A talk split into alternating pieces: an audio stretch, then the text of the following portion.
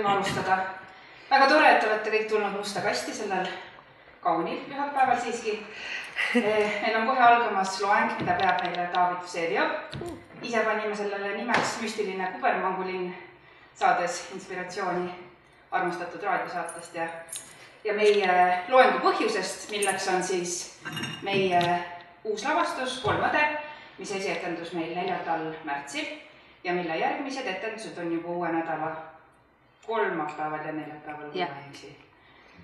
just, ja loodame, et David avab meile siis selle Tšehhovi aja äh,, näidend on kirjutatud aastal tuhat üheksasada, konteksti, aegruumi ja kõike muud kaunist. küllap ta ise oskab palju paremini rääkida kui mina, nii et annaksin hea meelega peagi üle.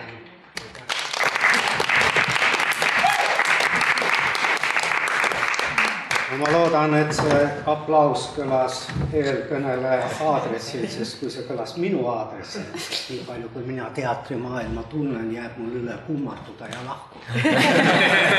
aga, aga teist nii ei lähe läbi. aitäh veel kord. aitäh kutse eest ja aitäh võimaluse eest tulla oma ülikooli linna. teen seda alati suurima heameelega ja ma ei tea, miks on nii, et Tartus tekivad kummalised mõtted. ja tõesti, otsides põhjendust minu kutsumiseks, sain ma aru, et see on täiesti õige otsus. sest minu sünniaasta tuhat üheksasada nelikümmend üheksa on Tšehhovi ajale tunduvalt lähedam kui aasta kaks tuhat kakskümmend kaks seega pigem olen ma Tšehhovi aegne inimene kui tänapäeva inimene.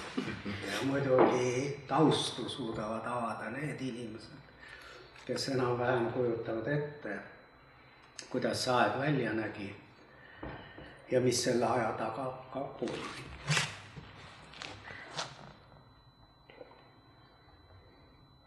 ma arvan, et ei tule juttu väga palju sellest tükist sellepärast et te olete, kes te olete selle tüki sees olnud ja kes ei ole, on publikuna sellest osa saanud. nii et tõesti, võib-olla natukene nendest taustadest ja sellest ajast, mis minu jaoks paistab olevat erakordselt põnev ja huvitav. no kõigepealt me läheme teiega ja teie oma tükis olite Venemaal see on praegu üks nendest plokkidest, mida ei hakkaks käsitlema. aga ma markeeriks selle võib-olla lausega lähedane ja kauge, sest tõesti Venemaa on meile ju väga lähedal ja samas on ta kuskil väga kaugel. ta on tsivilisatsiooniliselt kaugel, mentaalselt kaugel ja ka mingis mõttes kultuuriliselt kaugel ja samas on ta meile ju ka väga lähedal. ja ma jätaksin, arvestades tänast päeva, midagi pole parata, me ikkagi oleme siin ja praegu aastas kakskümmend kaks. ja kogu selle temaatika, kui kellelgi natuke huvi on ja kui ma suudan, mis puudutab tänast päeva, mis puudutab neid põhjusi, mis lähevad ju ka juurtega veelgi kaugemasse aega kui Tšehhovi aeg, siis hea meelega, kui suudan, palun, olen teie käsutuses. nüüd ja ma markeeriksin ainult mõned momendid, mis mulle paistavad veel kord taustadena huvitavad. ja kui on soovi, siis püüaks kuidagi sealt edasi liikuda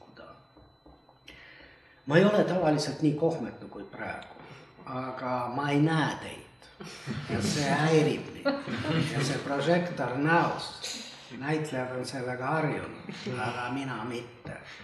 ja minu jaoks on inimeste silmad nii olulised, sellepärast et kogu see humanitaaria toimub ju silmade tasandil. nii et andke andeks, kui ma ei tunne ennast väga hästi. Tavaliselt ma nii heas seltskonnas kuidagi tunnen ennast väga mugavalt, aga praegu absoluutselt mitte. sa oled publika valguse tööl. no las ta olla, teil on seda vaja ja eks ma siis kannatan. kõik, mis tuleb, tuleb läbi kannatuste. sellega peabki lihtsalt arvestama. Need tegelased, kes te olete ja keda te kehastate, neid ju pole rohkem olemas. Neid ei ole olemas mitte lihtsalt füüsiliselt.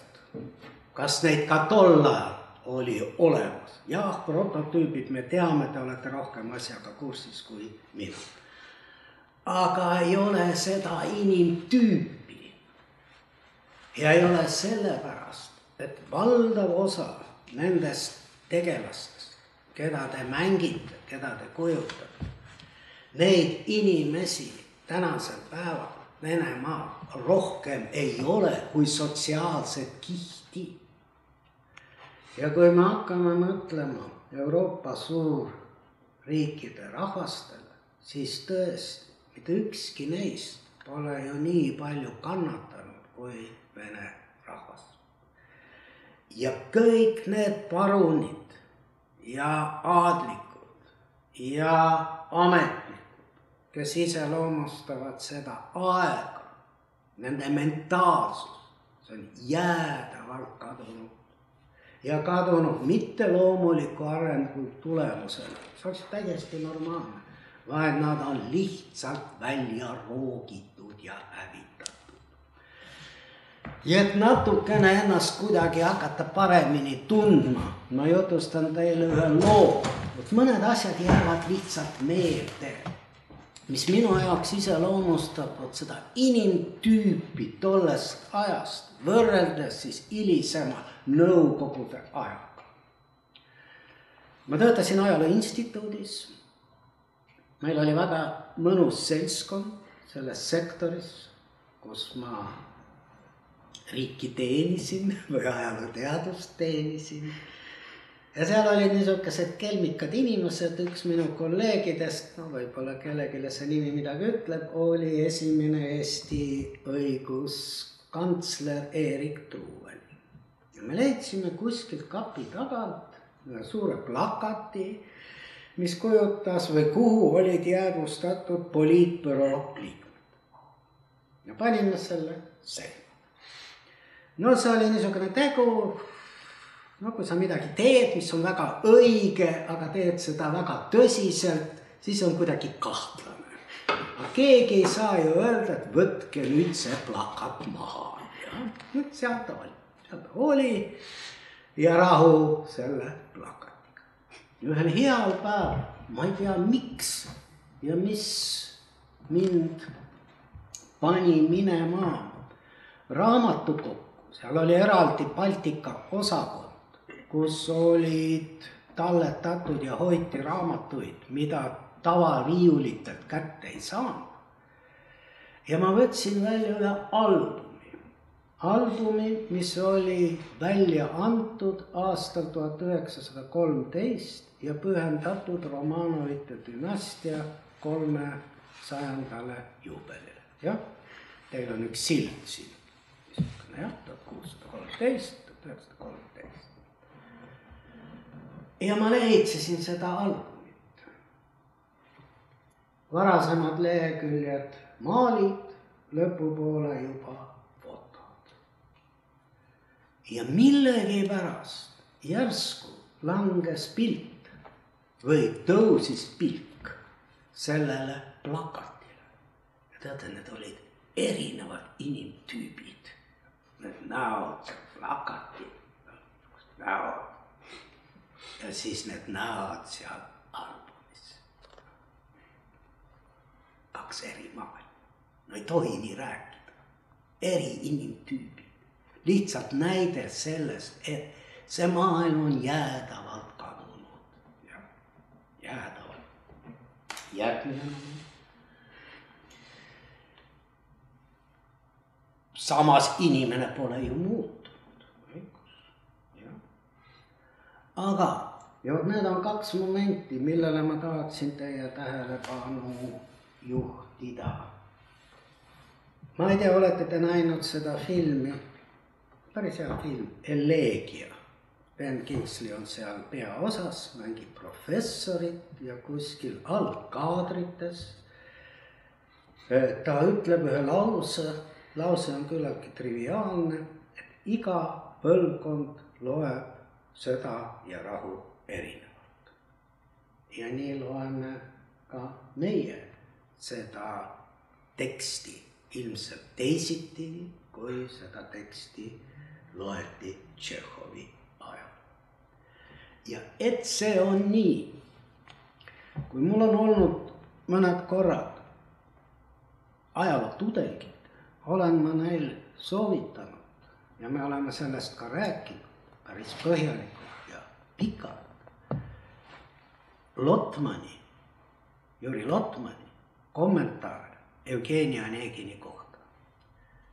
olete seda raamatut näinud? minu meelest eesti keeles ei ole.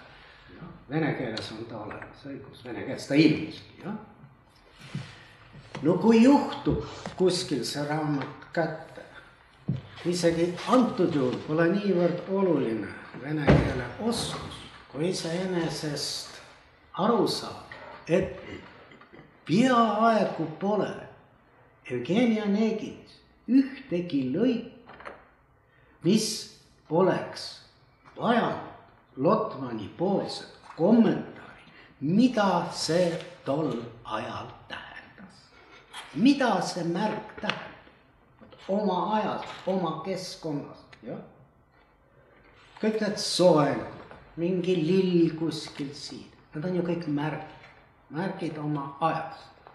palju me peame neid lugema, on nad olulised, ei ole nad olulised, raske öelda. Aga paratamatult, see on hoopis teine maailm, hoopis teine suhtlustasand. suhtlus ei ole ju ainult verbaalne, me vaatame inimesele otsa, vaatame tema soengut, vaatame, mis tal seljas on. Ja kuidagi me ju suhestume selle inimesega nende märkide kaudu. kas me oskame, kas me oleme võimelised välja lugema sellest sõnumi. veel kord, see on oma tähtsust, sellepärast et see inimlik tasand jääb ikkagi selliseks, nagu ta omal ajal oli. seal on veel üks väga huvitav teema. See on teema, mis viib meid kahe põhimõtteliselt vastanduva keskuse juurde millisesse linna unistavad nad lahkuda? Moskvasse. Jah. see on hoopis teine märksüsteem kui Sankt-Peterburi. kaks täiesti erinevat maailma, jah. jällegi, kui me seda tausta ei tea, siis meie jaoks on noh, Moskva lähemal ja Moskvasse, Moskvasse Moskvasse, hoopis teised linnad, seal on hoopis teine märk, seal on hoopis teine sõna. miks mitte pealinna ja miks mitte Sankt-Peterburg, nii et need on jälle üks niisugune huvitav asi. Nüüd ja kõige olulisem. see näidend on kirjutatud tuhat üheksasada, jah. ja minu meelest on üheksateistkümnenda sajandi lõpp, kahekümnenda sajandi algus, vähemalt meie Euroopa kultuuriruumis kõige põnevam. Ma ei tea, kas kõigi jaoks, aga minu jaoks on ta üks huvitavamaid ja teate, miks? sellepärast, et see on ajajärk, kus täitusid inimeste mina olen neid nimetanud mütoloogilised unistused, mitte lihtsalt tavalised unistused, vaid mütoloogilised. kus noorem õde Irene töötab? kes ta on? alguses seal Telegraafis ja pärast linnavalitsuses. telegraaf, telegraaf, telegraaf, jah, jah. Tolstoi ajal ei ole telegraafi, õigus, ei ole telegraafi. aga mis on telegraaf, mis on telefon, mis on raadio, need kõik tulevad enam-vähem sellel ajal. see tähendab, et on täitunud üks mütoloogiline unistus. minu sõnum jõuaks kaugemale, kui ma suudan seda väljendada, jah, õigates kisades. lennuk, lennuk, tuhat üheksasada kolm, jah, lennuk mida see jällegi tähendab? esmakordne võimalus, jätame varasemad õhupallid kõrvale, heita sellele maailmale jumalik pilk ülevalt alla. ja kui te loete, vaadake seda inimloomust, me näeme seda peegeldustena nii tänasel päeval kui ka varasemal ajal. kui te vaatate neid esimesi kirjeldusi, nende lendurite ütlusi, siis need on valdavalt, kui nad on tõusnud nüüd kuskile kõrgemale, jätame need esimesed paar sekundit kõrvale, jah. ja jällegi lendama. põhimõtteliselt, murrang on ju seal, jah, me lendame kõrgemalt, lendame kaugemale, lendame kiiremini, lendame mugavamalt, aga põhimõtteliselt lendama, lendama. ja need esimesed kirjeldused küll see vastik valgus. Need esimesed kirjeldused on, see on esteetiline nauding, kui ilus see maa on, kui ilus. ja möödub ligikaudu kümme aastat ja Balkanil puhkevad sõjad tuhat üheksasada kaksteist, tuhat üheksasada kolmteist ma vaatan rohkem sinnapoole, mitte sellepärast, et ma ei tahaks vaadata sinnapoole, aga teid ma ei näe üldse. ja tulevad tuttavad ette need fotod. kahe tiivaga lennuk, nahkmüts peal ja laseb pommikesi alla. ja vot siit jookseb see paralleel või siit jookseb see punane joon ma tõusen õhku kuskilt kaugelt, kaugelt. olen seal kõrgel, kõrgel, lasen midagi alla, jah, ja maabun sinnasamasse lillede vahele. ja järsku ma polegi kedagi tapnud, jah. kui ma hiljem olen seal väravate ees, kus otsustatakse, kus see minu igavikuline elu möödub kas paradiisis või põrgus. järsku lükkas kõik mööda. jah, ja seda me näeme tänase päevani.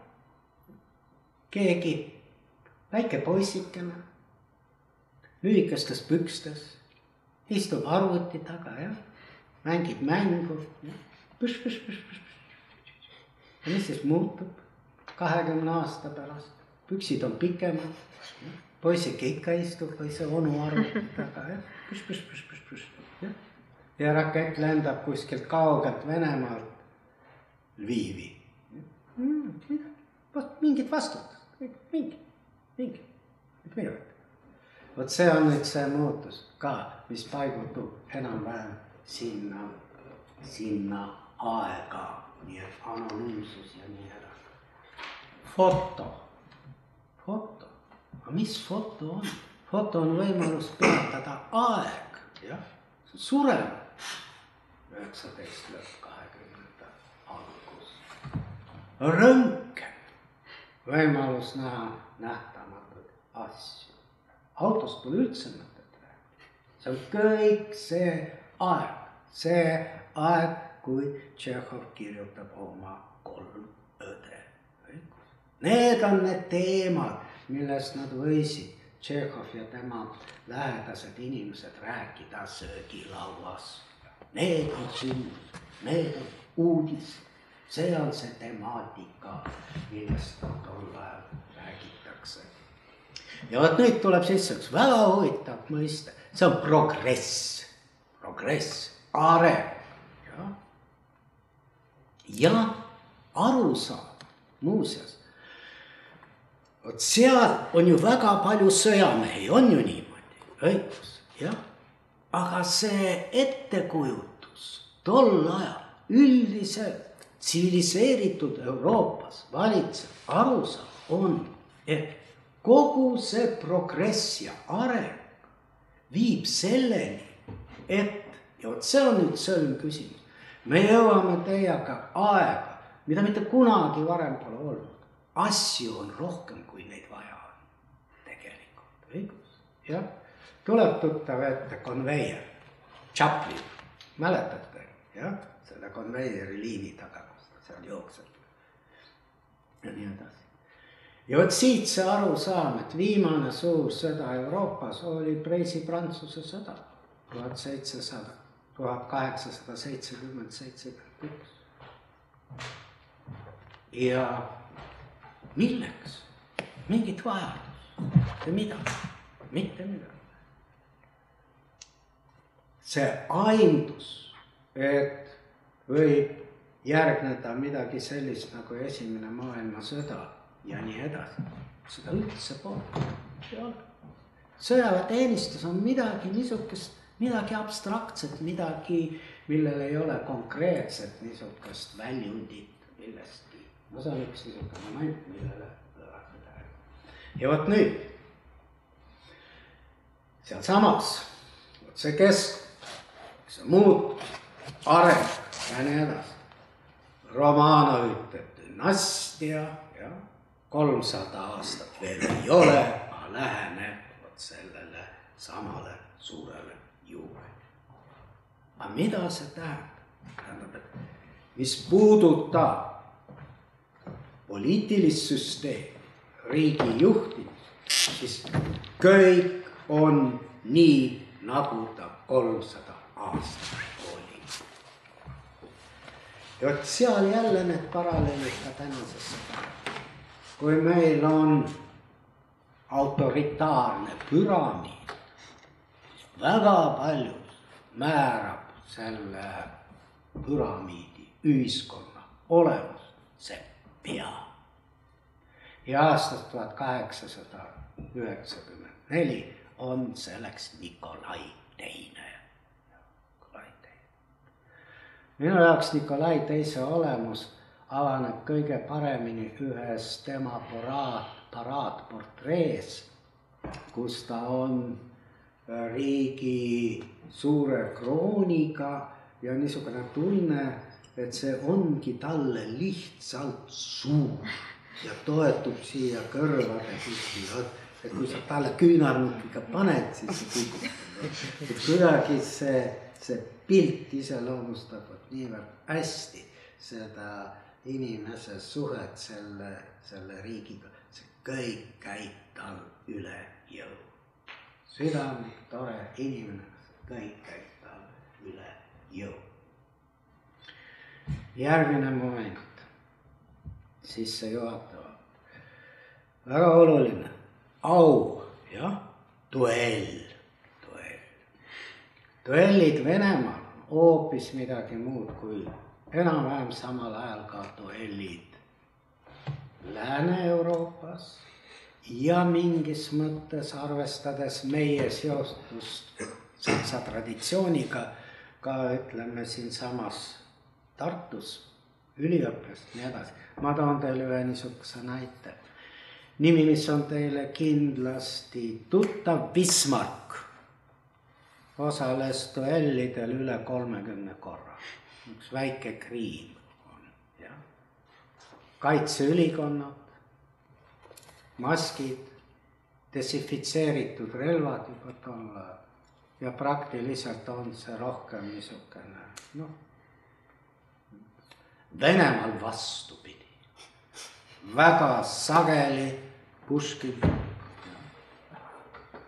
Teie palun need duellid lõppevad ja mis on huvitav, nüüd ma ei hakka nende duellidel pikemalt peatuma. aga kui kellelgi on huvi, otsige ülesse. on spetsiaalne duellide koodeks. Turassov on selle mehe nimi, kes huvi tunneb. Venemaal on ta uuesti mitu korda vahepeal välja antud, nii et seal leiate kõik need solvangute astmed, see on nii keeruline et kui te solvate sõnaga ja teoga ja, ja teoga näiteks ma ähvardan teid klaasiga heita, et kui ma ulatun teieni, siis on esimese astme solvang, kui ei ulatu. Teise astme on ja nii edasi, lõputu, lõputu. kusjuures, mis on huvitav, et mida aasta edasi, seda leebemaks karistused duellide eest muutuvad. väga, see ei ole erandlik juhus, see on väga tavaline juhus vene traditsioonis. ja vot nüüd on üks huvitav moment, see on au see on au ja arusaamatu. ja et minu meelest kuskilt seal üheksateistkümnenda sajandi lõpus, kahekümnenda alguses jookseb ka mingisugune piir, väga oluline piir. piir inimsuhete, inimsuhete mingisugune piir. ma toon teile ühe näite. on hästi mahukad mälestused, mälestused, mis kuuluvad Aleksander Kolmanda aja peaministrile Vitele. Väga huvitav raamat, hästi põhjalik ja paks. Nikolaile ta ei sobi muidugi, väga huvitav mees. kui tema ideed oleksid ellu rakendatud, siis oleks Venemaast kujunenud konstitutsiooniline monarhia, mis oleks võib-olla selle monarhia ka päästnud aga see on teine teema, spekulatsioon. Ja tema mälestustes on kaks niisugust lõiku, mille lugemine ja ma ei tea, on ju vahel nii, et sa loed midagi ja sa nagu asetud selle inimese kohale ja mõtled, et kas sa saaksid või kas sa oleksid ka käitunud nii nagu tema. on võimalik või see ei ole võimalik. Ja vot mõned kohad on sellised, et sa loed neid mitu korda. sellepärast, et mälestuste variandis me ju kõik esitleme ennast natukene teisiti kui võib-olla, ühesõnaga selge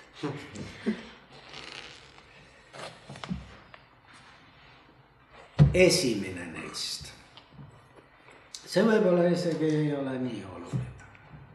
tähendab, see ei ole nüüd see hetk, kus, mille puhul ma mõtlesin, et kas ma toimiksin samuti.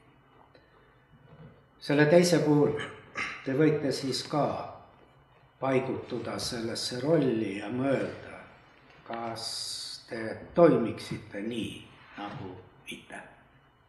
esimene lugu on järgmine ta on juba peaminister.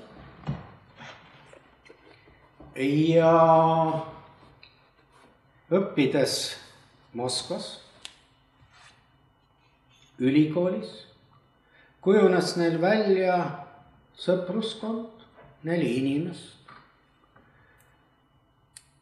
ja peamine ja tol ajal üldse väga oluline. ma ei lugenud praegu uuesti Tšehhovi kolme ööde üle ma ei mäleta, ei seal kindlasti on, vähemalt mainitud on kaardimäng, õigus, jah. Jälle vaadake, ma ei tea, palju meist veedab õhtuti aega kaarte mängides, meie vaatame Õnne kolmteist ja muid toredaid saateid. aga tol ajal on see ju peamine aja veetmisviis, kaardimäng, üks. ja kujuneb välja sõpruskond, neli inimest. ja tema on peaminister. üks sõpradest on ühe Siberi suure kubermangu asekuberner. üks on juhtiv kirurg ja kolmas oli vist professor ja jurist tolleks ajaks. ja nüüd ta kirjeldab oma sõitu mööda Venemaad ja jõuab sinna kubermangu, kus on tema see sõber. Ja saavad õhtul kokku ja vestlevad ja sõber ütleb talle, et kas sa tead, ma saatsin sellele mehele, kohe ma ütlen teile, mis mees see oli või kes ta oli. ma saatsin talle sada rubla. milles siis oli asi? ta oli pärit, see viitsekuberner, üsna vaesest perest. Ja vot Moskvas oli üks koht, söögikoht, kus käisid tudengid, valdavalt. ja see söögikoht nägi välja nii, et seal oli suur lett, lett. ja see koht kuulus kahele inimesele, mehele ja naisele. naine, naine oli nii-öelda köögi poolel ja valmistas suuri lihavõileibu. Ja seal ei olnud rohkem mitte midagi. ja mees seisis leti taga, käes oli tal kaks viinapudelit, kallas pitse täis ja selle söögikoha menüü oli võileib ja pits viina. ja see maksis kümme korda. puupüsti rahvast täis, puupüsti rahvast täis, valdavalt veel kord tudengid. ja kui inimene lahkus, siis ta ütles kolm, neli, viis ja vastavalt maksis kolmkümmend, nelikümmend, viis ja vahel, kui tudengitel raha ei olnud, sõid neli võileiba ja neli pitsi ja kõrvale, aga ütlesid kaks. ja vot see viitsekuberner oli mõned korrad toiminud nii. ja nüüd ta ütleb Vitele, ei ole võimalik, et see omanik seda ei märga. aga ta kunagi ei öelnud midagi, mitte kunagi, mitte kunagi ja nüüd on möödas võib-olla paarkümmend aastat. seal tekstis ei olnud täpsustatud kui palju. ja see viitsekuberner ütleb, ka seda ei täpsustatud, kas mõni aasta tagasi või millal saatis ta sellele mehele sada. Sest kui ei oleks olnud neid võileibu, ma poleks ülikooli lõpetanud. süüa polnud ja teine moment, seda nad arutavad seal koos.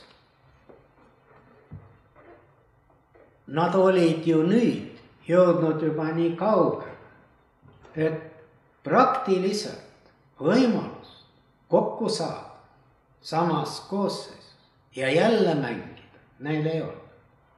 ja milles nad olid omavahel kokku leppinud? et ükstaskõik, kus keegi neist ei mängi suvaliste inimestega, mõttes ta omistab neile oma sõprade nimed. No teeme niimoodi, et teie olete siis vitsekuberner, teie olete professor, arst ja teie olete jurist, jah, ja mängime. ja ma kaotan või te, nii on parem Teie kaotate mulle sada rubla, kakssada rubla ja kolmsada. ja kui nad kuskil vanade sõpradega kohtuvad. nüüd ta kohtub üle pika aja selle viitsekuberniga, siis nad klaarivad ka need vahekorrad veel ja mina ei tea, kui ma teile ütleksin, et teate, pool aastat tagasi te kaotasite mulle sada eurot või kaotasin mina? kas ma suudaksin? teate, no sina muidugi, sa võid, sa võta, siin on need sada, sada eurot ja kakssada, kolmsada. Lugesin mitu korda seda kohta. ma ei tea, ma ei tea, kas saades kokku mõne oma hea kursuse kaaslasega, suudaksin ma ikkagi kuidagi ja seal pole mingit kahtlust vot see on see maailm jällegi, kus au, kus mingid kokkulepped midagi maksab. No vot, ma ei teagi, mida teile sissejuhatavalt kurinaha laulab. hea küll, andke andeks. küsige midagi, kui, kui oskan. ma tahtsin täpsustada, kas nad siis nagu need, kellega nad päriselt mängisid, nad nagu klaarisid ju nendega, siis nende oma sõpradega veel omakorda on ju jah, topelt. Neile ta, nad muidugi ei rääkinud, nemad ei teadnud, et mis rollis nad tegelikult. Et noh, saada veel mingi osa sellest jah. Need on väga huvitavad mälestused jah, väga põnev mees, väga huvitav mees mul oli ka enne üks küsimus ja. seoses nende duellidega, aga äh, võiksin ise järele uurida, aga küsin praegu, kasutan võimalust, et millal üldse mindi vehklemise pealt püstolite peale? Venemaal üsna varakult see on ju tulemuslikum. tegelikult duellide traditsioon on suhteliselt hiline Venemaal, suhteliselt. ja relvad võivad olla väga kummalised. näiteks vot jällegi, kui ei tea, siis ei pööra sellele tähelepanu, näiteks sa loed kuskil tekstis, et keegi kutsus kellegi duellile küünlajalgadega. Me peksame üksteist siis küünlajalgadega. miks küünlajalgadega? aga siis tuleb välja, et üldine arusaam või kokkulepe oli, et kui keegi sulitses kaardimängus, siis teda peksti küünlajalgadega küünlajalka läheb seal. kaardimängu sulitempel tohutult, tohutult. no tavaliselt oli nii, et no neid on nii palju näiteid, ei hakka nendel peatuma. aga kui kogunes, see on Moskva, Moskva. väga huvitav raamat, mida ma soovitan teile. nüüd on ta tõlgitud eesti keelde. see on ühe tolleaegse fantastilise ajakirjaniku. aga mida tähendab tol ajal ajakirjanik, kui ta kirjutab ja tahab süüvida kuritegelikku maailma, siis ta sukeldub sinna aastateks. ja vot siis ta kirjutab, kui ta tahab kirjutada millestki muust, siis ta kirjutab. ja vot selle raamatu pealkiri, Giljarovski on autor, on Moskva ja moskvalased. Te võiksite, kui teil mahti on, lugeda seda raamatut, sellepärast et siis te saate kätte selle linna, kuhu nad nii tahtsid sõita. Moskva, Moskva, Moskva, mida see Moskva endast kujutab, milline see on? no vot, kui koguneb juhuslik seltskond ja hakatakse mängima raha peale, siis saadeti teener kuskile putkasse, noh, müügikohta, et ta tooks kinnise kaardipaki, et ei oleks mingit kahtlust. muidugi see müüja oli ammu seal ära ostetud ja need kaardid olid siis märgistatud ja muidugi kinni. siis on, ühesõnaga neid on nii palju, aga see on teine teema, jah. aga ma küsiks siis, et, et aga mis siis oli Moskva või noh, et kes nagu see Peterburi ja Moskva vahe ja. tol hetkel kõigepealt Moskva või Peterburi, Peterburi on ametnike linn. vot jällegi, vaadake, kui palju seal on need kõik, kus nad töötasid kõik seal. Semstva valitsuses. Ja nii edasi ja nii edasi. mis te arvate? võtame nüüd tingliku Semstva valitsuse, teeme nii, et meie oleme Semstva valitsus, jah, keegi on seal pealik ja nii edasi mis te arvate, millist tööd tegi valdav osa Semstva valitsuses töötavatest inimestest? Paberi mingi töö. väga õige, paber on väga õige, jah. aga mis nad tegid selle paberiga? kirjutasid dokumentidele. väga õige, loomulikult. meie saadame ju teiega neid. nüüd kujutage ette, see kolossaalne impeerium, jah, võetakse vastu kasvõi kubermangu tasandil, linna tasandil mingisuguseid otsuseid, neid on ju vaja kõike tiražeerida, jah. vot see on, kus te seda tüüpi leiate, see on see Dostojevski väike ametnik, väike ametnik. teate, kuidas ta välja näeb? tal on ju need, kuidas neid nimetatakse, kätikud või? jah, et ta ei kulutaks ära. ja nende ametnike kohta öeldakse, see on, ta ei kõla eesti keeles nii hästi aga ma püüan ta kuidagi tõlkida. ta töötab terve elu, terve elu. ja mis on tema unistus? et kui ta läheb pentsile, et ta saaks koguda nii palju raha.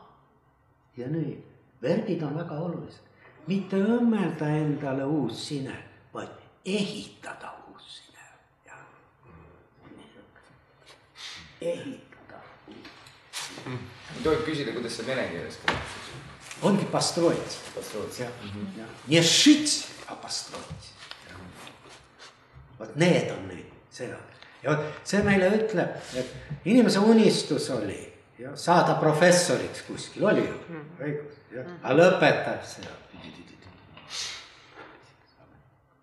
see on see. nüüd Peterburi aristokraatia, jah, see on Peterburi, palee Need on Moskvas ka. Moskva keskne kuju on kaupmees, kaupmees. Moskva on Aasia, Sankt-Peterburg on Euroopa valdav.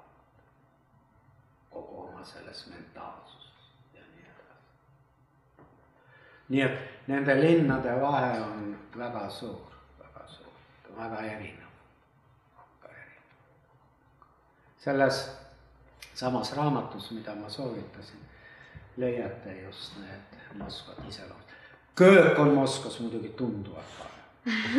suurvürstid sõitsid Moskvasse, sellepärast et Moskva köök on parem. Moskva köök on peamiselt parem seetõttu, et Moskva vesi on parem mm., aga vesi on väga oluline.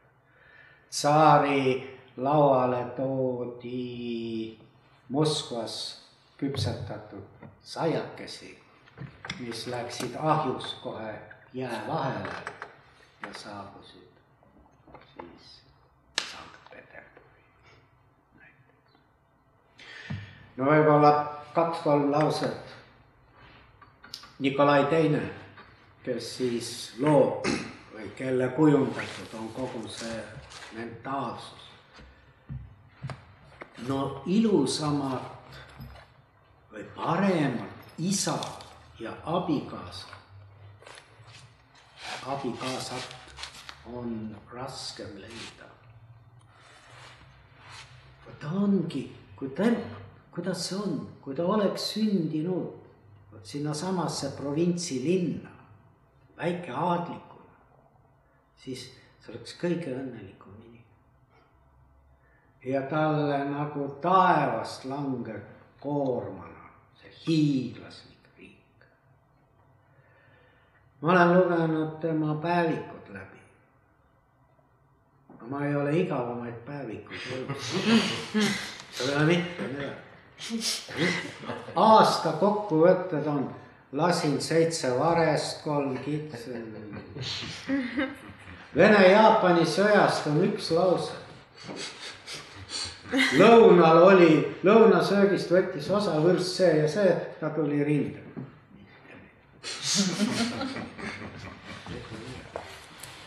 ja ka Vene-Jaapani sõda, vaadake, üksikinimese roll ja Putin täna ja nii edasi.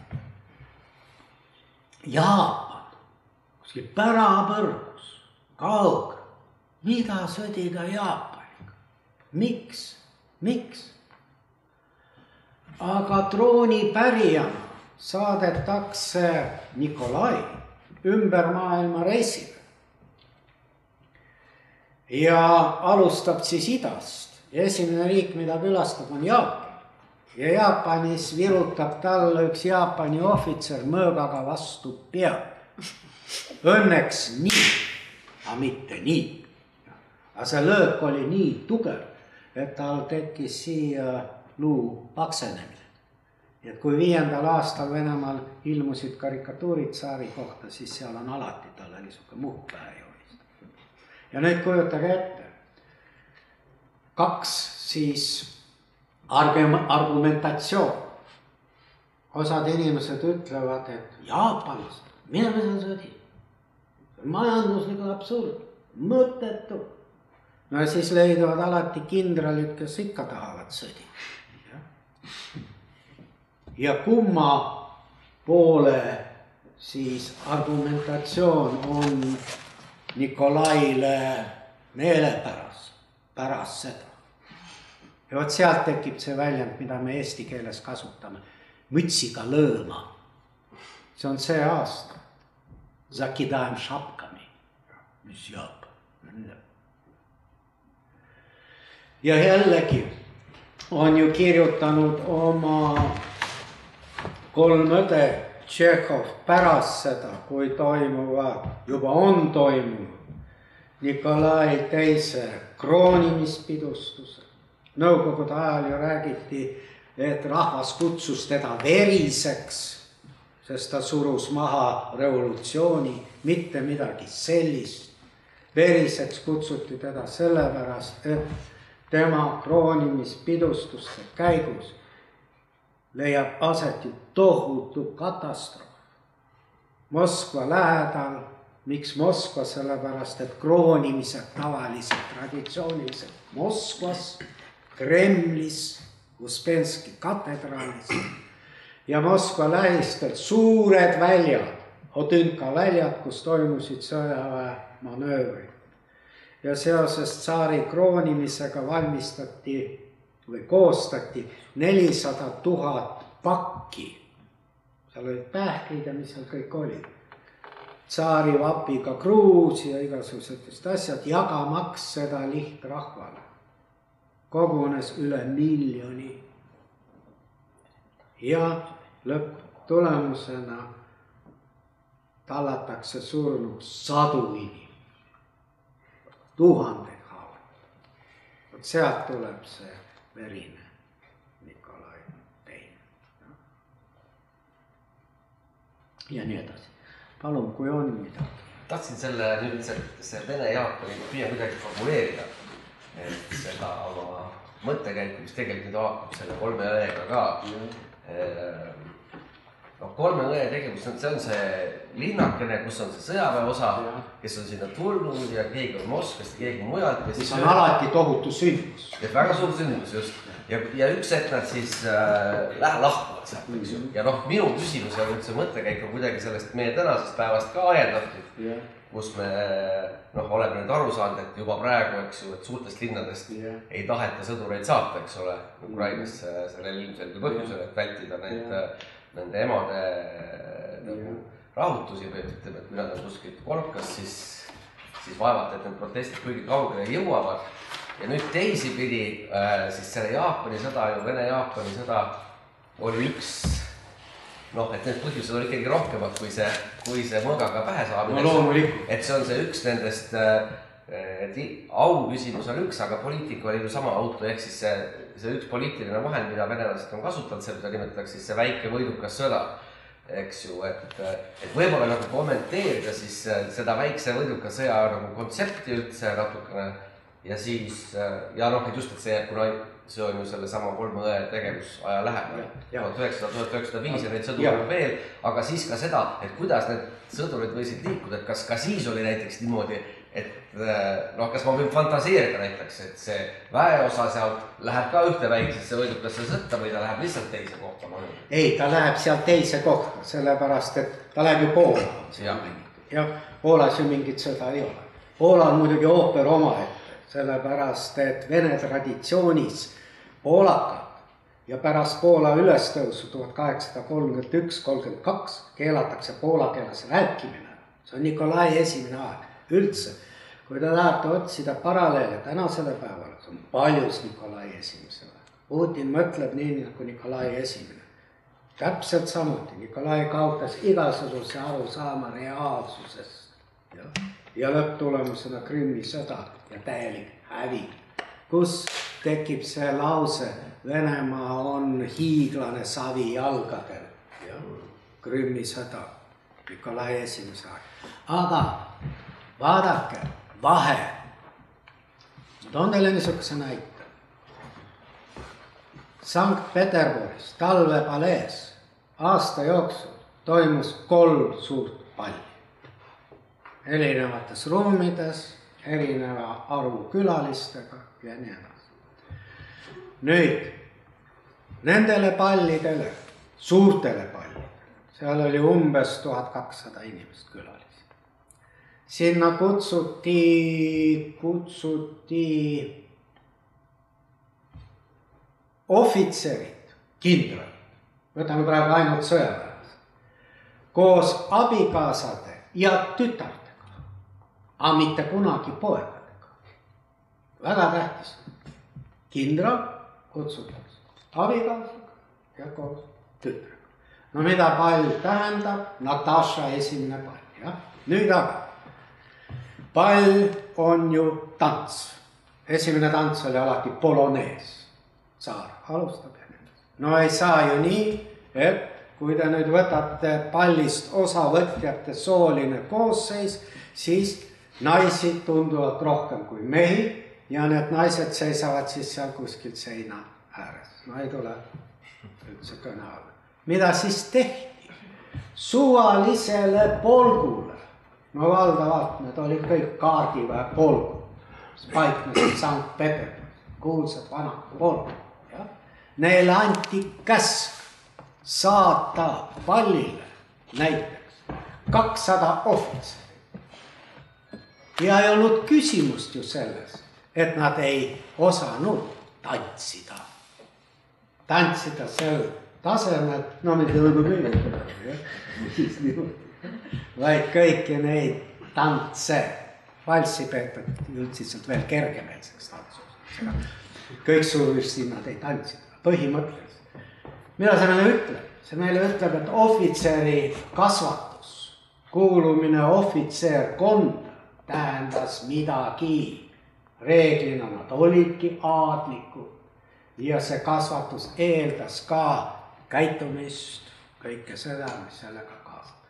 ja nüüd kujutage ette, kui provintsilinnas on see väeüksus, jah, see tähendab ju, et te saate korraldada palle, teil on vestluskaaslased, teil on. ja kui see väeosa lahkub, siis koos sellega kaob ka suur osa sellest seltskonnast ja sellest atmosfäärist, mis oli nende poolt kujundatud.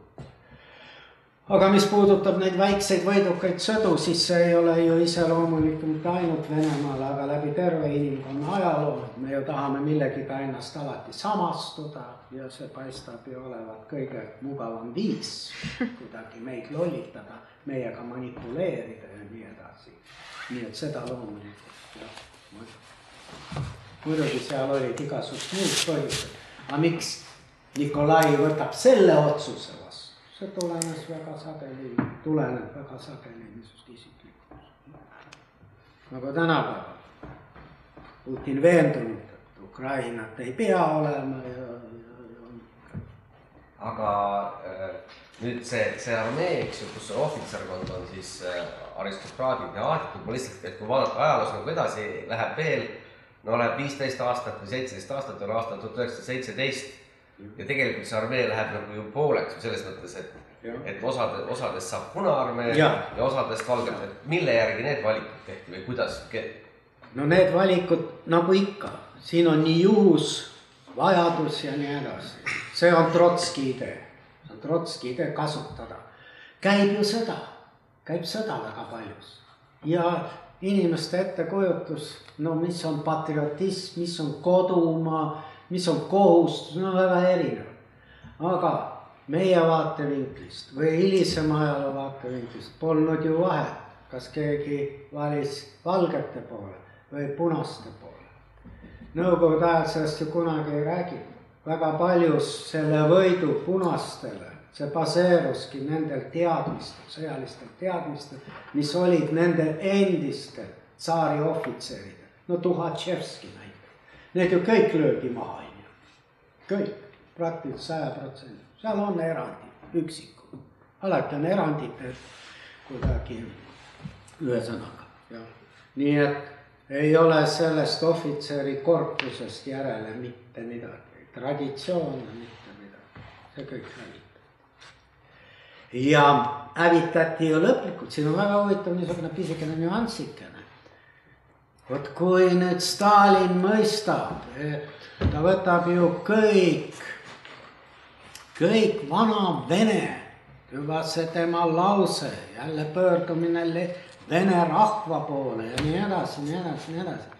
tulevad ju nelikümmend kolm tagasi pagunid. Kodusõjas, see oli peamine eraldusmärk valgete ja nii-öelda punaste vahel. kõik filmid, kõik vastikud valged ohvitserid, nii et seal on isegi kurioosumid et äh, Nõukogude sõdurid ja ohvitserid, kes olid sattunud sakslaste kätte vangi, ütleme nelikümmend üks, nelikümmend kaks. ja kui Nõukogude väed need vangilaagrid vabastasid ja need nägid neid pagunitega ohvitsere, nad olid täielikus segaduses. Nad arvasid, et need on valged, kus need on? Nii et jah, neid ei ole, aga ohvitserkond on hoopis midagi muud inimene mundris, see on hoopis huvitav teema. meie ju teiega tänaval eriti inimesi mundris ei kohta. Nõukogude ajal. Tartus, no iga kümnes, kes tuli vastu, oli võib-olla mundris. siin, no teie teate, Tudaevise suursõjaväe osa ja, ja mis siin veel oli. Tartu ju kuulus ka nende linnade hulka, kus välismaalased ööbida ei tohtinud võib-olla nooremad inimesed seda ei tea. mis pärssis ju väga paljus ülikooli tegevust, rahvusvahelist. aga see on teine asi. Ja inimesed mundris, see, kust see tava, raudteelased mundris, mesinikud mundris, metsavaid mundris, see on Nikolai Esimene. tema saab kõik. ta tahtis isegi vastavalt meeste mundritele kujundada naiste pallikleidid see on venekeelne sõna ühe sarnasus. Aga sinna kõrvale, et noh, korra käis läbi, et Irina läks sinna telegraafi ja läks linnavalitsusse, aga Eh, mis need eh, väljavaated või missugused kuvandid nendest väljavaadetest ühele eh, tavalisele naisterahvale tolles, tolles hetkes olid? vast-, võib-olla siis kahes, kahepoolne küsimus, et, et oled, oled sa nagu aadliku tütar või oled sa nagu Natasha lihtsalt niisama? jah, no see valik number üks on kodu. Muidugi, selle kodulapsed ja nii edasi, ega siis ja kui me võtame nüüd aadlistaatus, siis see oligi, no me peame ju silmas pidama, et kogu see majapidamine ja see kodune majapidamine, see oli ju üüratult suur. ja kui sinu teenistuses oli kellel rohkem, kellel vähem, aga jõukatel vene aadlikel neis võis olla ka tuhat, talupoeg oli lõputult, jah. Siis kogu selle majapidamise juhtimine ja selle korrashoid ja selle dirigeerimine, see oligi naiste ülesanne. vaesematel inimestel, noh, see valik oli, no mis ta siis võis olla, hariduse juurde pääses naisi suhteliselt vähe, ka kõrghariduse juurde teate, et see oli peaaegu erandlik, vot seesama, kus Lenin hiljem oli, see Smolni aadli neiude kõrgkool. Neid oli suhteliselt vähe. no ja me teame ju, et sajandivahetus ongi just see murrangu aeg, kus naised hakkavad kõrgharidust omandama ja nii edasi. kõik need liikumised, kogu see feministlik liikumine sünnib enam-vähem kuskilt seal.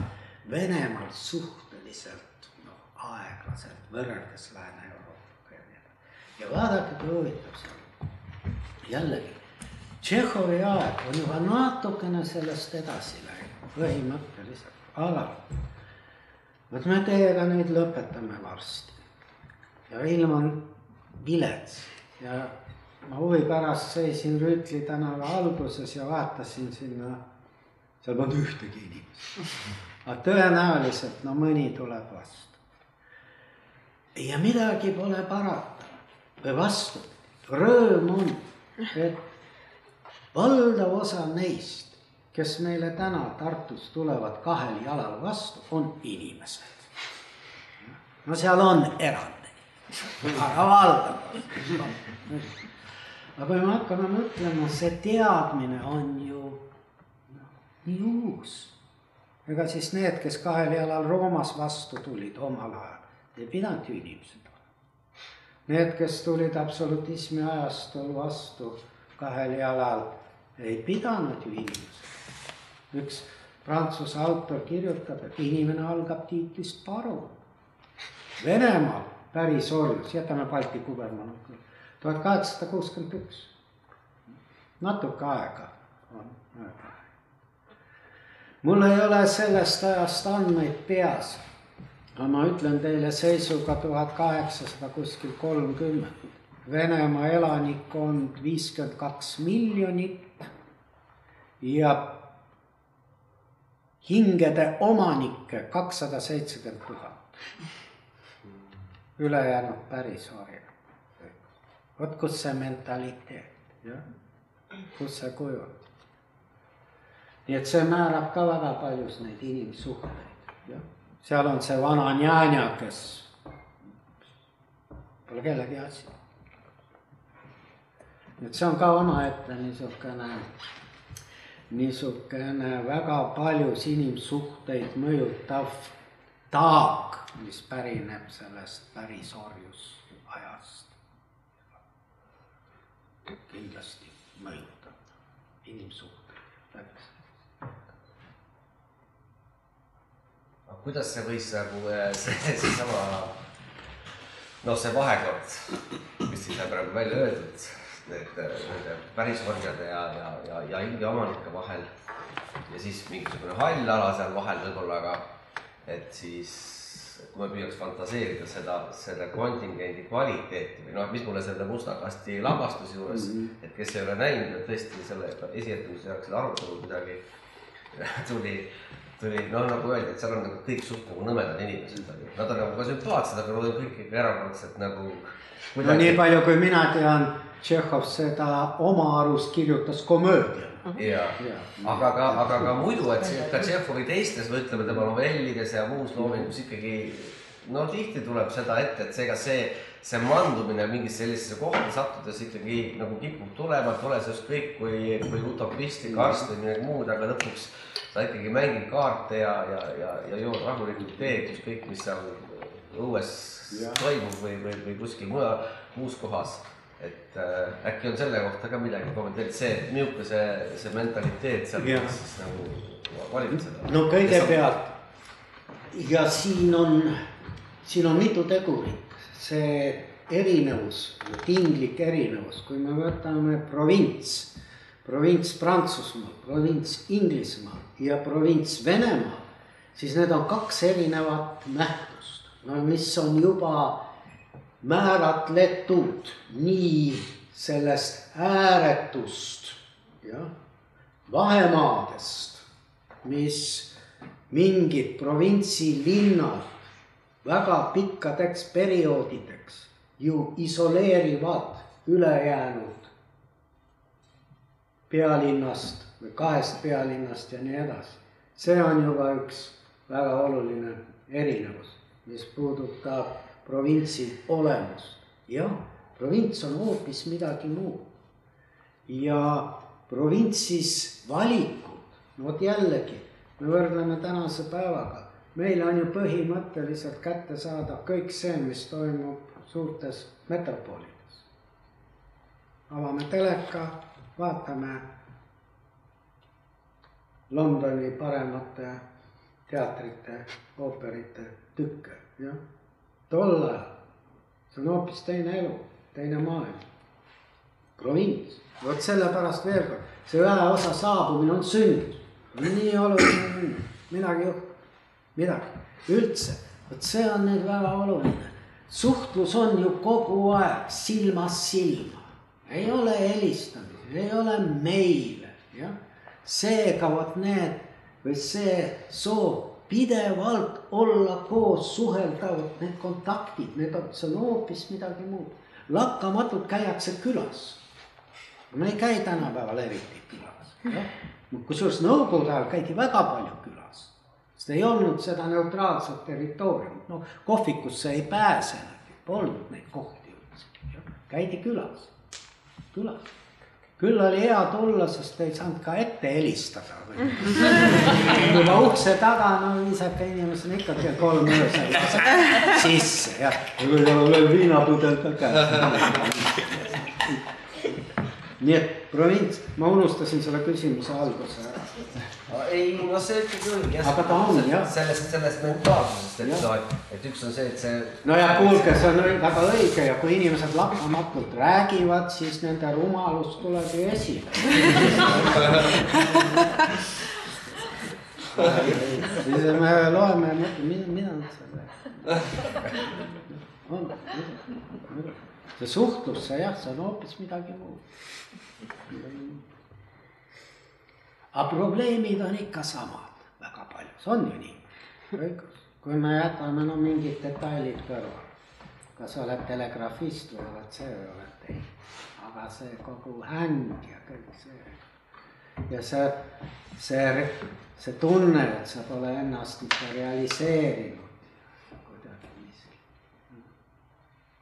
aga ütleme, see selles näidendis on nagu kaks või noh, seal on muidugi rohkem, aga kaks nagu kogu aeg nagu läbivat nagu äh, kaks niisugust teemat, üks on see Moskvasse, Moskvasse, eks ju. minema. jah, no minema jah, aga just Moskvasse, mitte Peterburisse, ikka sellesse külluslikku Aasia, aasialikku pidude keskele, aga teine on see on see mitmel tegelasel see tohutu nagu heietamine sellest, missugune elu saabub tulevikus et läheb kümme aastat või sada aastat või viissada, vaat siis, kus tuleb elu. see ongi, mitte keegi ei heietanud nii sajandi alguses. Tolstoil ei ole neid heietisi, vot need ongi need, mis baseeruvad sellel, mida ma natukene püüdsin avada. Mhm. just sellel, et kõik muutub kolossaalse kiirusega. kujutage ette seesama, no võtame näitena auto, jah. alles keegi käis laternaga ees ja auto sõitis järgi, jah, et no umbes. ja möödub ju sealt kümme-viisteist aastat ja kui te vaatate tolleaegsete sajandit, no juba kuskil natuke küll Tšehhovist hiljem, aga autode kiirused on juba sada, sada kakskümmend kilomeetrit tunnis ja nii edasi, noh alles see lennuk vaevalt sealt paar korda hüppas ja siis lendas kokku ja juba lendab, juba lendab. juba tõmmatakse traate talvepaleesse igal pool, telefon, telegramm, telegramm, kuidas saab, kuidas saab, vot seal on jälle, see on jällegi väga huvitav sellega, noh, natuke see näited ikka küll ei haaka, aga need taustad. Nikolai ja tema lapsed ja kui lõpuks sünnib poeg, nüüd natukene hiljem, tuhat üheksasada neli, Aleksei. Ja üsna pea selgub, et ta on haige, hemofüülia, jah, see, et veri ei hüübi. tol ajal juba, kui ta lõikas või sisse näiteks selle, sellega saadi hakkama, sisemised verejooks, sisemised verejooks. ja vot seal on üks niisugune hetk, ma võtan hästi ruttu kokku.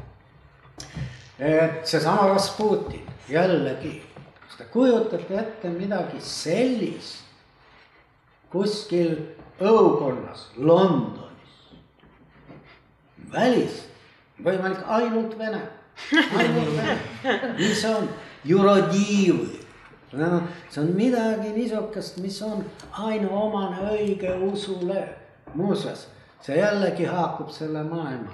Õigeusu traditsioonis inimene ise pühakirja ei loe. Talle ei ole antud aru saada, papp seletab talle. jah, vot siit see usk, võim ütleb sulle, mis on õige. no vot seesama Rasputin, lõpuks õnnestub tsaarile selgeks teha, tuleb minema saada, saadetakse, pärineb Tobolski kubermannust, tuhandeid kilomeetreid eemal. tsaar on jahil see on Belovežskaja pušša, see on tänapäeva Poola, Valgevene ala. Seal elab Euroopa piisov, juba tol ajal looduskaitse. tsaaril lubatakse lasta. ja vot seal juhtub selle poisiga õnnetus, ta astub paati ja nagu sageli, kui sa astud paati, paat sõidab eest ära, kukkus. järgmisel päeval temperatuur seal üle neljakümne Sankt-Peterburist juhtivad professorid koha peal, keegi lootust ei anna. Tsarinna meeleheitel, meeleheitel. ja nüüd tuleb sealt Tobolskist telegramm telegraaf, telegraam saab terveks, üks lause, üks lause. loomulikult keegi telegraafiga informeeris teda. ja ta läks ilmselt, mina ei näe teist seletust, lihtsalt vabank. Ei saa terveks, noh, niikuinii istub seal kuskil. järgmine päev terve.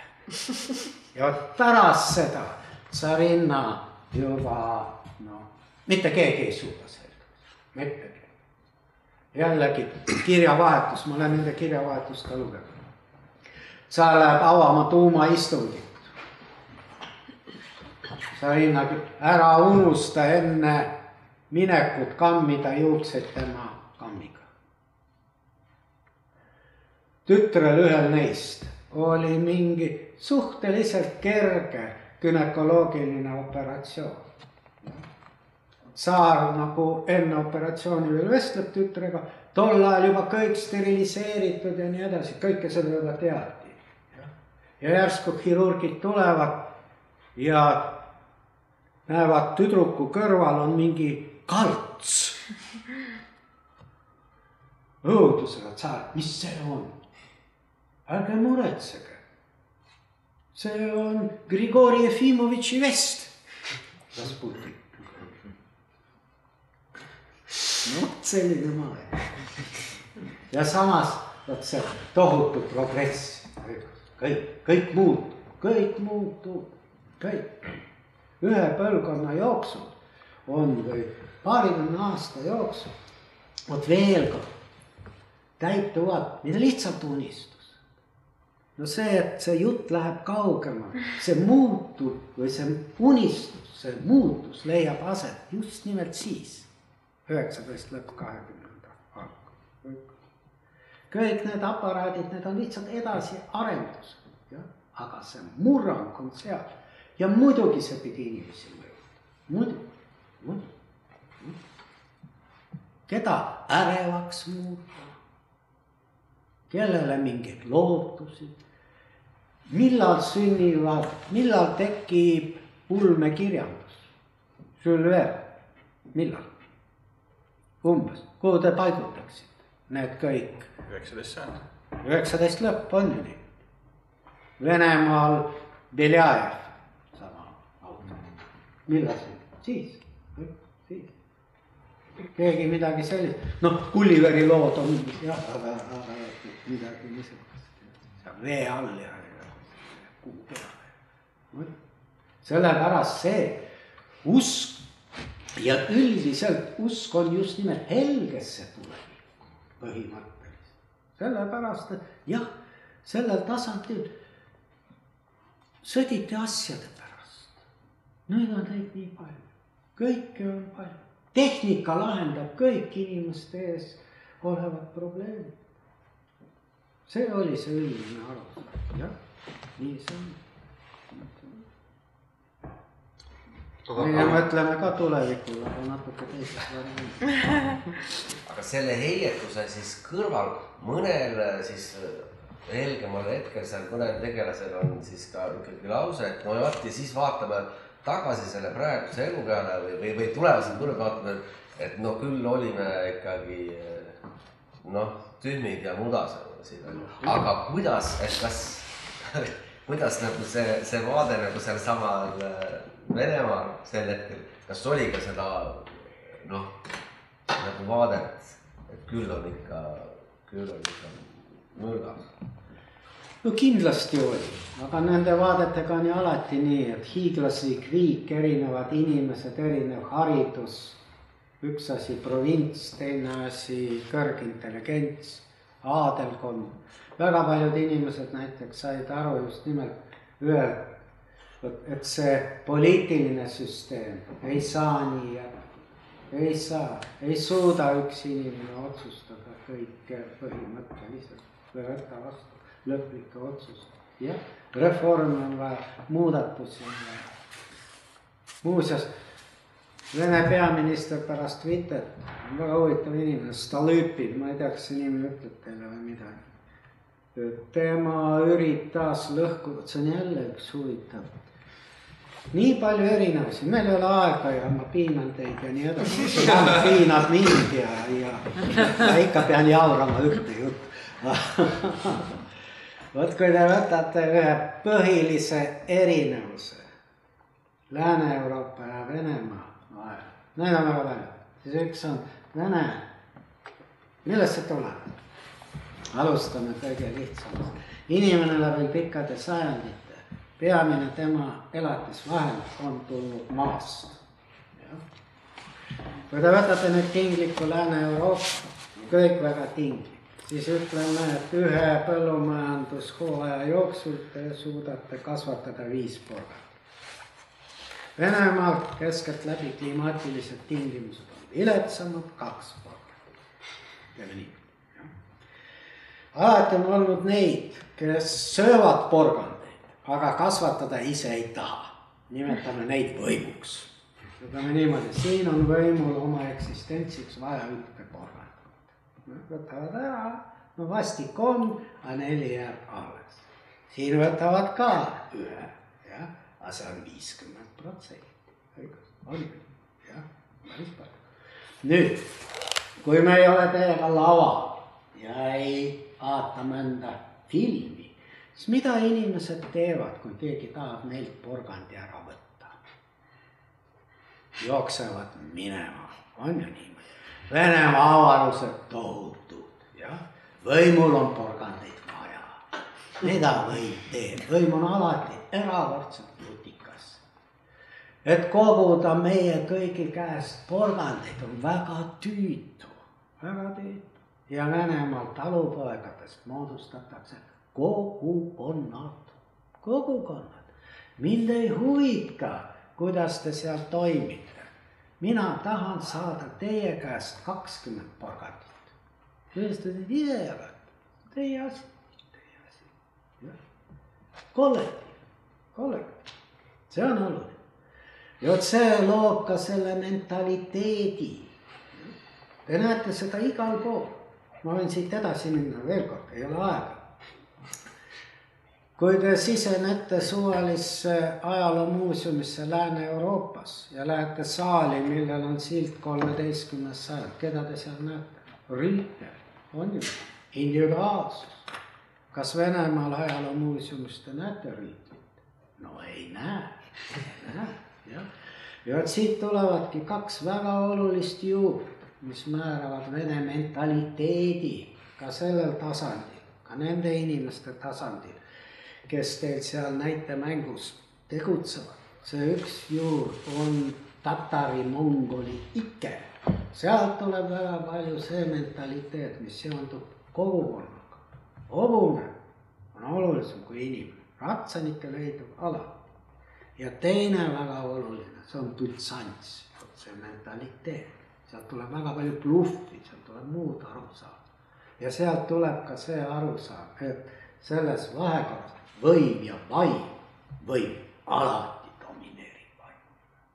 vaim ei ole kunagi võimule olnud võrdne partner. see on see maailm kõige laiemalt, mis iseloomustab siis seda üldist niisugust mentaalset tausta. aga kas ma olen nagu õigesti aru saanud, et kuigi see aadelkond nagu hävitati, see nagu nostalgia on siiski püsinud ja nagu niisugune püüd, kas läbi poliitbüroo või nende oligarhide seda uuesti luua on nagu. no see on kõik pseudo, no ütleme siis niimoodi, et see oli eriti populaarne kaheksakümnendate lõpp, üheksakümnendate aastati kõik need aadel seal igasugused kogud ja nii edasi. No kui üldse mõni aadlik on olemas tõeliselt, siis ta elab teie linnas, nagu te teate. paljud teised on nagu nad on, aga ega neid suguvõsasi nagu Peetril, no neid Venemaal on võib-olla viis, mitte rohkem, jah. nii et, aga see selleks.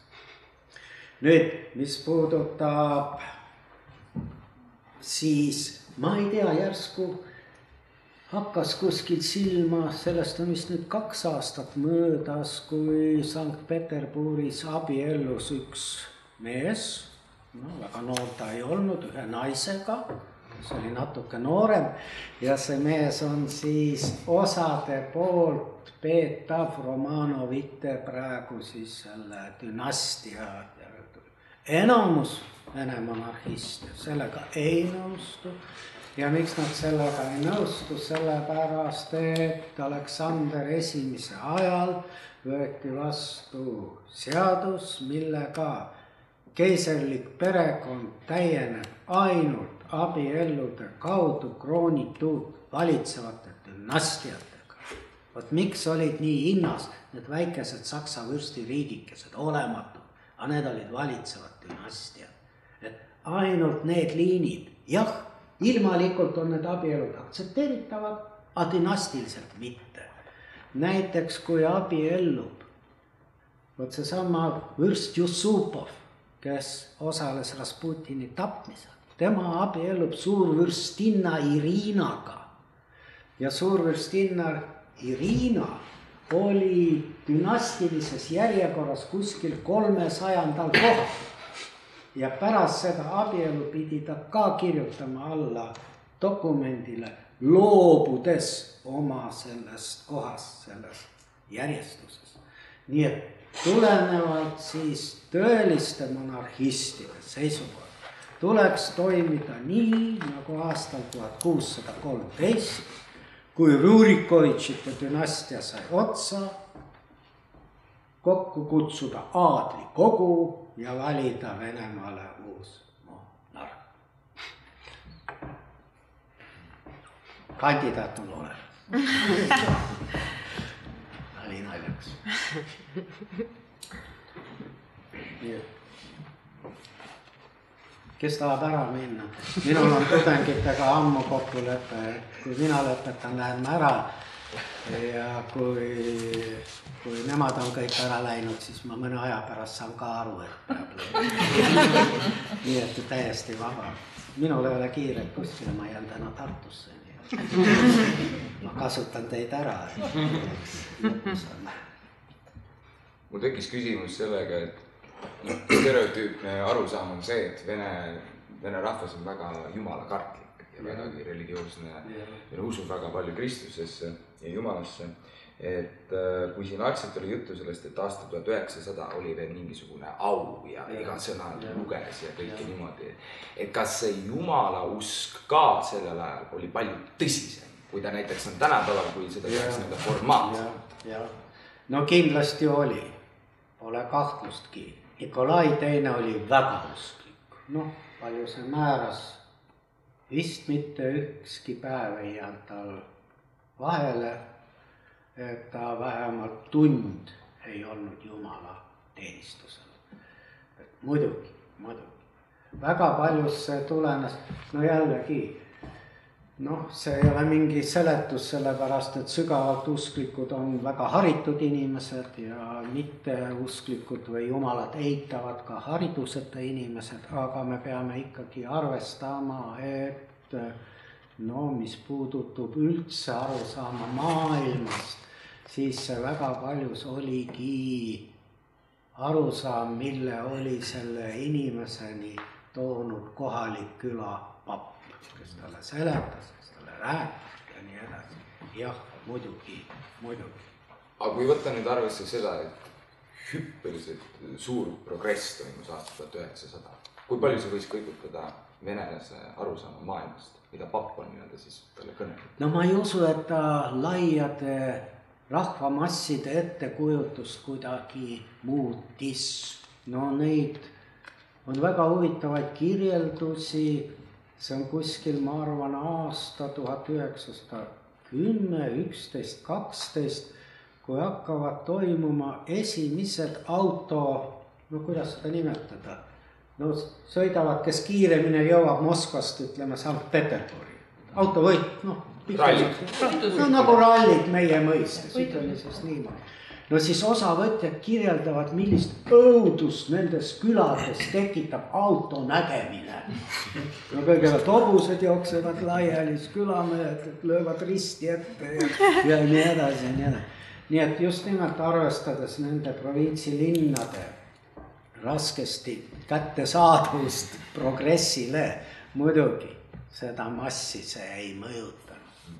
vot see on, mida ja milles eksib mingis mõttes ka no teile kõigile tuttav Yana Toom, kui ta näiteks teatab, et jah, need sanktsioonid või midagi, et vene inimesi see praktiliselt ei puuduta. Välispassi omavad ainult selleks, et välismaale sõita, on Venemaal vaja välispassi. kakskümmend vist protsenti inimestest, need kaheksakümmend pole kuskil kunagi käinud ja nii edasi, midagi näinud. aga veel kord, tegelikult kogu neid muutusi, täpselt nagu seitsmeteistkümnendal aastal, ühes provintsis ju kõigepealt midagi ei toimu. siin on ainult, mis leiab aset Moskvas ja Sankt-Peterburis. tol ajal Sankt-Peterburis ja Moskvas ja see määrab. nii et nii palju sellest progressist ja, ja selle mõjust, et ei, muidugi, muidugi mitte. aga, ja kui te vaatate klassika, esimesed niisugused tõsised no, protestid, uue nõuded, Need olidki muuseas samal aastal, tuhat üheksasada, tuhat üheksasada üks tudengid. Moskva, Sankt-Peterburi kõrgkoolide tudengid tänavatel. jah, sest vot nende jaoks see, see muutus, mis maailmas oli aset leidnud ja toimus ja see kinnistunud kogu see süsteem.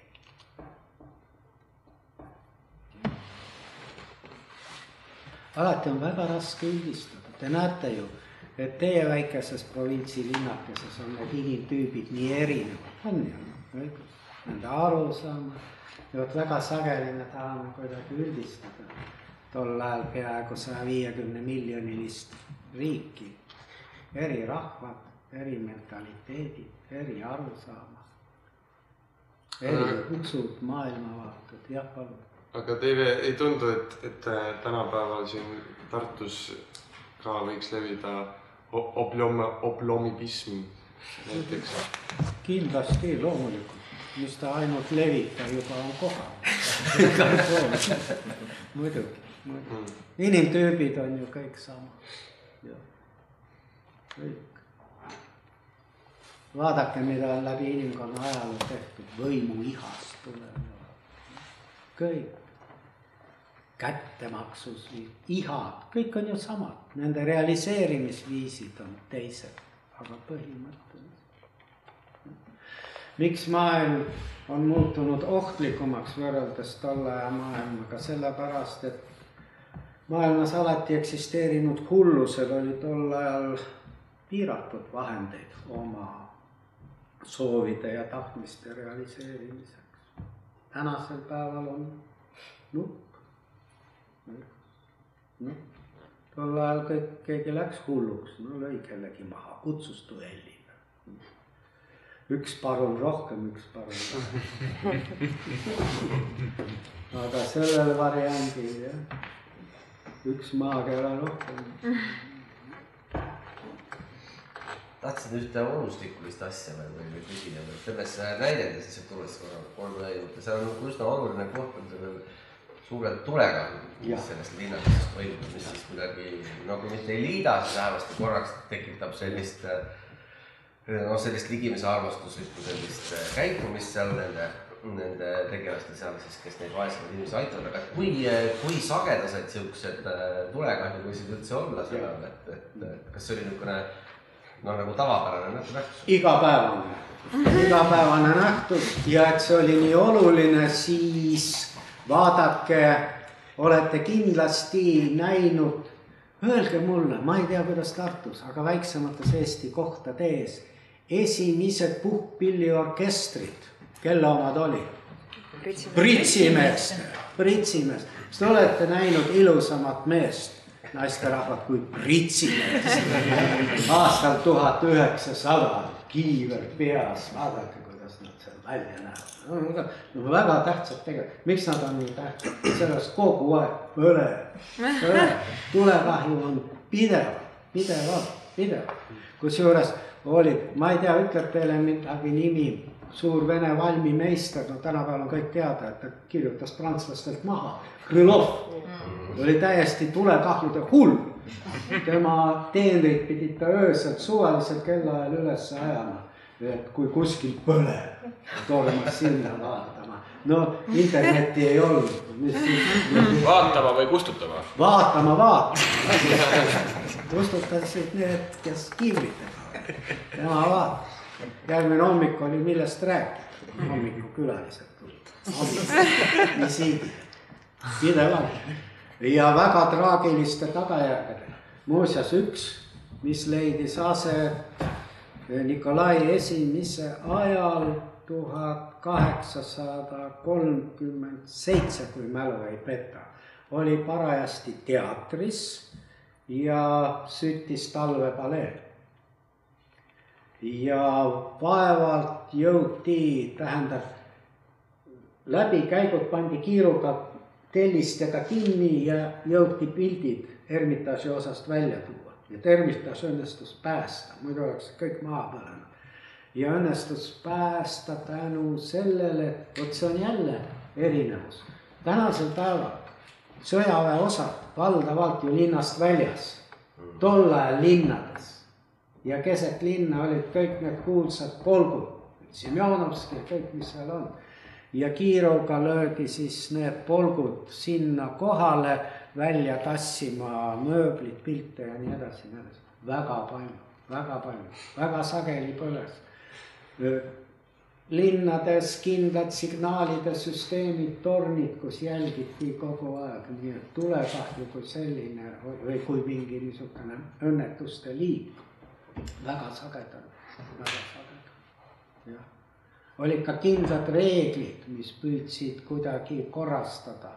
no seal olid näiteks nõuded, et pööningutel peavad olema liiva mingi kogused, siis kustutada näiteks ja nii edasi.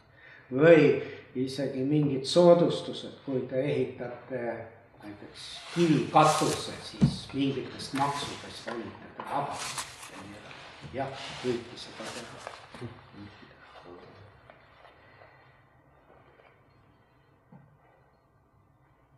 jess. ei, on küll peab ikkagi jõudma sinna punkti ka, et kuna meil enne siin sellest vene mentaliteedist oli juttu, et kas siis Venemaal on kunagi lootust saada endale demokraatlik eh, juhtimine? no lootustega oli vist nii, et need ei sure kunagi, oli ja. vist niisugune lause no üldiselt vene traditsioonis, kui me vaatame minevikku, aga minevik ju on väga palju see, no mis see minevik on? minu jaoks on ajalugu nagu laboratoorium. kui ma tahan mõista inimest, siis ma otsin vot need perioodid, kus ma leian vastuseid nendele küsimustele, mis mind huvitavad. no ma toon teile ühe näite, üks minu kolleeg kunagi edutati asedirektoriks ja ta kõnnap muutus. mis temaga on juhtunud? ja siis ma mõtlesin, kus ma leian vastuse, siis ma läksin Rooma keisririiki ja vaatasin, mida keisrid teevad võimu, näite. üheksakümmend üheksal juhtumil sajast kasutavad seda võimu isiklike naudingute rahuldamiseks või kuidas ühiskonda kiiremini teha ja kui heita pilk Venemaa minevikku, siis seal neid perioode, muidugi demokraatiat me võime defineerida ka väga laial skaalal, aga no traditsiooniliselt see on ikkagi väga lühike periood, veebruar kuni siis oktoobri pööre tuhat üheksasada seitseteist. no ei ole, ei ole, ei ole väga pikka, pikka traditsiooni, pikka tava mis tähendab, et miks ka mitte.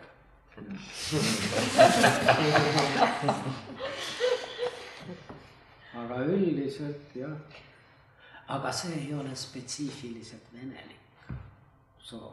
me oleme ju karjaviisilised elukad, bioloogilised. me kõik usume, keegi teab, keegi juhib, keegi meile ütleb. see on meil üldiselt oma aga mis on ja jälle nojah, ei hakka pikalt, aga et nendel süsteemidel väga sageli, me ju kuuleme siin täpselt samuti vahetevahel, kus Riigikogu ja laterdavad seal ja seletavad. peaks ikka tugeva võimuga siin president näiteks olema ja nii edasi, nii edasi. Ja tõesti, esmapilgul on, otsuseid võetakse kiiremini vastu, ei ole seal mingit aja raiskamist ja nii edasi. aga mind on alati huvitanud see, et kui otsuseid võtab vastu üks inimene, jah, on operatiivne, on ju. aga kus on võetud, et need otsused on õiged? no tõenäosus on viiskümmend protsenti, et need on valed ja ja hakkavad kehtima kohe. Ja muuseas selle tänapäeva sama, absoluutselt sama, vaadake, kus sündis see otsus, no praegu ju kõik ütlevad, ühtegi nendest punktidest, mida siis Putin soovis selle ettevõtmisega saavutada, vastupidi, no vastupidi. NATO, tugev, see loetav. Vene mõistlikud analüütikud on seitse punkti välja pannud, kõik vastu. kuidas see, kuidas see sai nii olla, kuidas sai nii olla? aga vaadake, Stalin enne sakslaste kallaletungi Nõukogude Liidus. kaks miljonit meest tuhandete tankidega on piiril. kõik teavad, kõik, luure teab, ülejooksikuid kümneid seal olid ju kommuniste sõjamehi, tunnilise täpsusega. Aga ühel juhil on teadmine, veendumus, et ta kavaldab Hitleri üle. ta ei usu, juba Saksa lennukid pommitavad, kõik arvavad mingi kindralite üksik provokatsioon, kui juht, siin täpselt sama, sama, inimene usub, usub, Ukraina ja kindlasti. Ja nii edasi. Aga ma küsiks sedasama küsimust nagu teistmoodi, et Aie küsis, et kas on lootus demokraatlikule sellele, mina küsiks, aga kui suur olla üldse tõenäosus, et see, sest ma näen nagu, no nii palju kui mina aru saan, et see tegelikult see riik, mis seal praegu tegutseb, see ikkagi selle algus on kuskil siis viieteistkümnendal sajandis, et see on see, see Ivan kolmanda rajatud Moskoviidi riigid, mis on siis ja. ühe või teise modifikatsiooniga nagu püsinud. Et kas on ka mingid tõenäosused, et see võib laiali nagu lihtsalt, meil on seal, ma ei tea, Jakuutia, kellel on vaja omal raha ja naftat küll ja siis on Kaukaasia tegelased. Ja. hästi ruttu, Venemaa on impeerium, jah, oleme sellega põhimõtteliselt nõus, ta on väga spetsiifiline kui me võtame teiega maailma poliitilise kaardi aastast tuhat üheksasada kolmkümmend, siis me näeme, et peaaegu pool maailma on sama värvi, mis Britannia on. Pool on, ütleme tinglikult sinine, nagu on Prantsusmaa. mis siis juhtub eelmise sajandi kuskil kuuekümnendatel aastatel? Need impeeriumid tõmbuvad tagasi.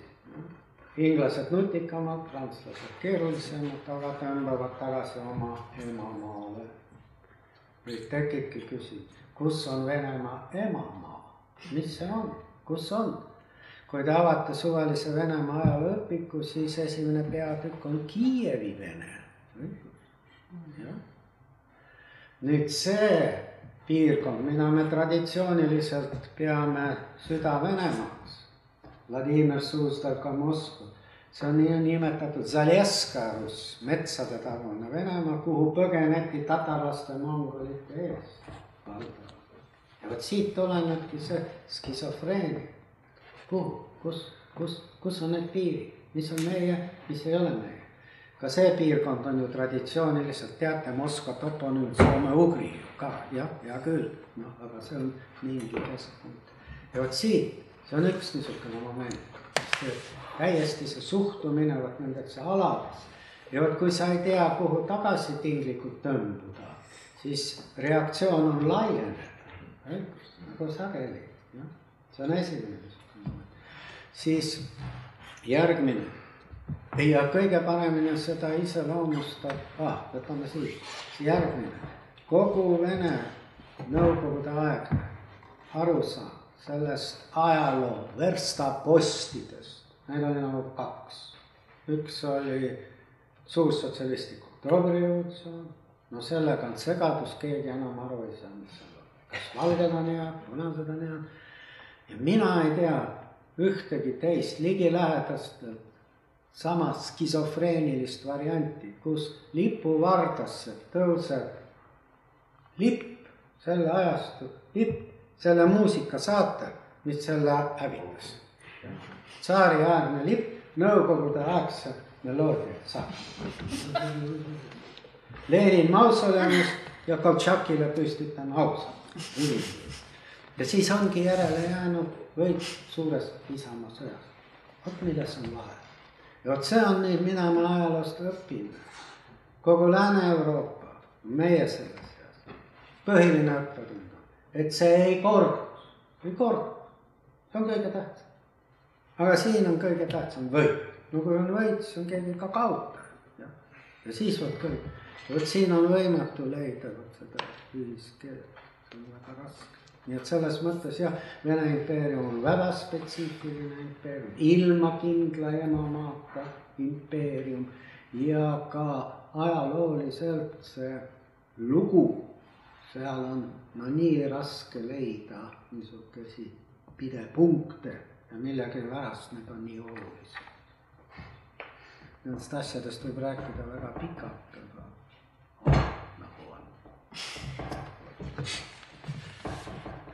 Teil kodus ei ole teha midagi ei, minugi pärast ärge minge bussi.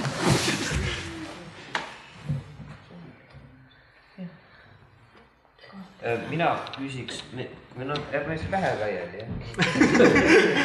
et äh, ma, ma vahepeal, vabandust, ei kuulnud võib-olla kõike, aga ma eeldan, et ei jõudnud kõike ära rääkida sellel teemal, et, et ikkagi mida lõppkokkuvõttes need sõjaväelased teevad seal suvalises provintsi linnas, mis ei asu piirilegi ligidal? mis nagu nende, mis selle keskmise või isegi võib-olla siis mitte võib-olla kõrgete ohvitseride nägemus oma elust oli või, või, või jah, et see sõjaväeüksus oli ju ka palju ja, inimesi ja. ja siis nad liigutatakse ühel hetkel sinna suvalisse linna ja nad veedavad seal umbes kolmteist aastat ja, ja siis liigutatakse järgmisse. et, et noh, ma saan aru, tegelevad väljaõppega või, või kas tege-, kas nad üldse tegelesid sõjalise tegevusega ka või? ja nad ikka tegelevad, nii et mingisugused õppused on, no peamiselt ohvitserid tegelevad sellega, et välja mõelda sõduritele mingid tegevused. Nad võivad olla variandis, et kaevake kaevik ja siis ajage kaevik täis ja siis kaevake uus kaevik ja ajage kaevik jälle täis, üldiselt. aga mingisuguseid õppusi korraldati ka, jah, igasuguseid sõltuvalt ajast. Nikolai esimese ajal valdavalt marssiti vasakult paremale, paremalt vasakule ja sünkroonselt pöörati ennast siiapoole ja sinnapoole ja siis jäigi niisugune mulje, et sõjavägi on vägev, võimas ja allub minu tahtele, nii nagu tasub käega ainult näidata kõik toimib. ja siis lõppeski suure katastroofiga. no ilmselt praegune situatsioon on analoogiline. Sellele. Jah, midagi nad eriti ei teinud, ei teinud. julgeoleku tagamise ülesannet neil ju ei, no kus kaugel provintsilinnas, seal ei olnud mitte mingit. Ja arvestage, et Aleksander Kolmanda aeg on Venemaa ajaloost unikaalne. Venemaa ei sõdinud kordagi tema valitsemise ajal.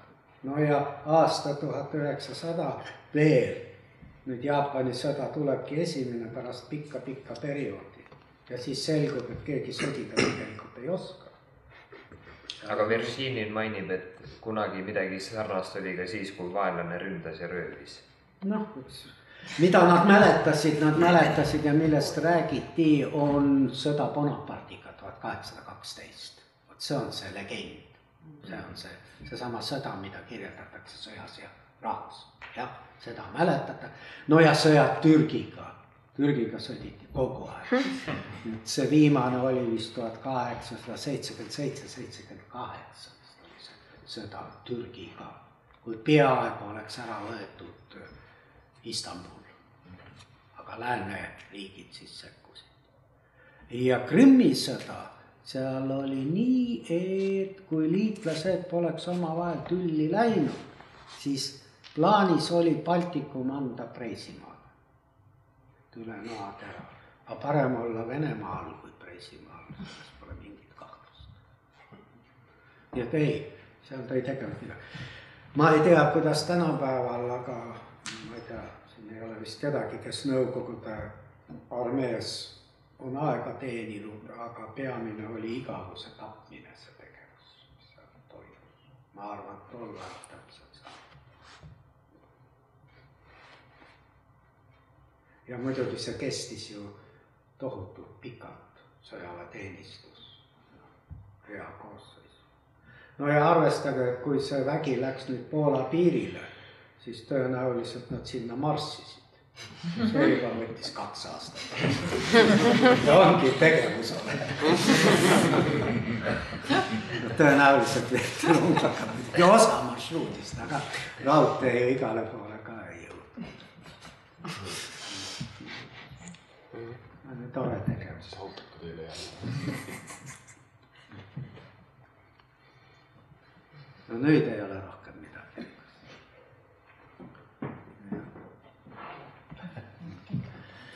kuulge, aitäh teile, aitäh ja andke andeks, no tõesti, noh, no ei ole hea olla. väga põnev oli kuulata. uskuge mind, kui lampi poleks olnud, kui, kui hea ma siis see oleks alles ettekanne. Te peate kogu aeg selle lambiga olema. no ja te vaatate ju partnerit, siis see ei sega sellepärast näitlejad ongi lava saali poole sageli seljaga. Hea küll, aitäh teile. aitäh, aitäh.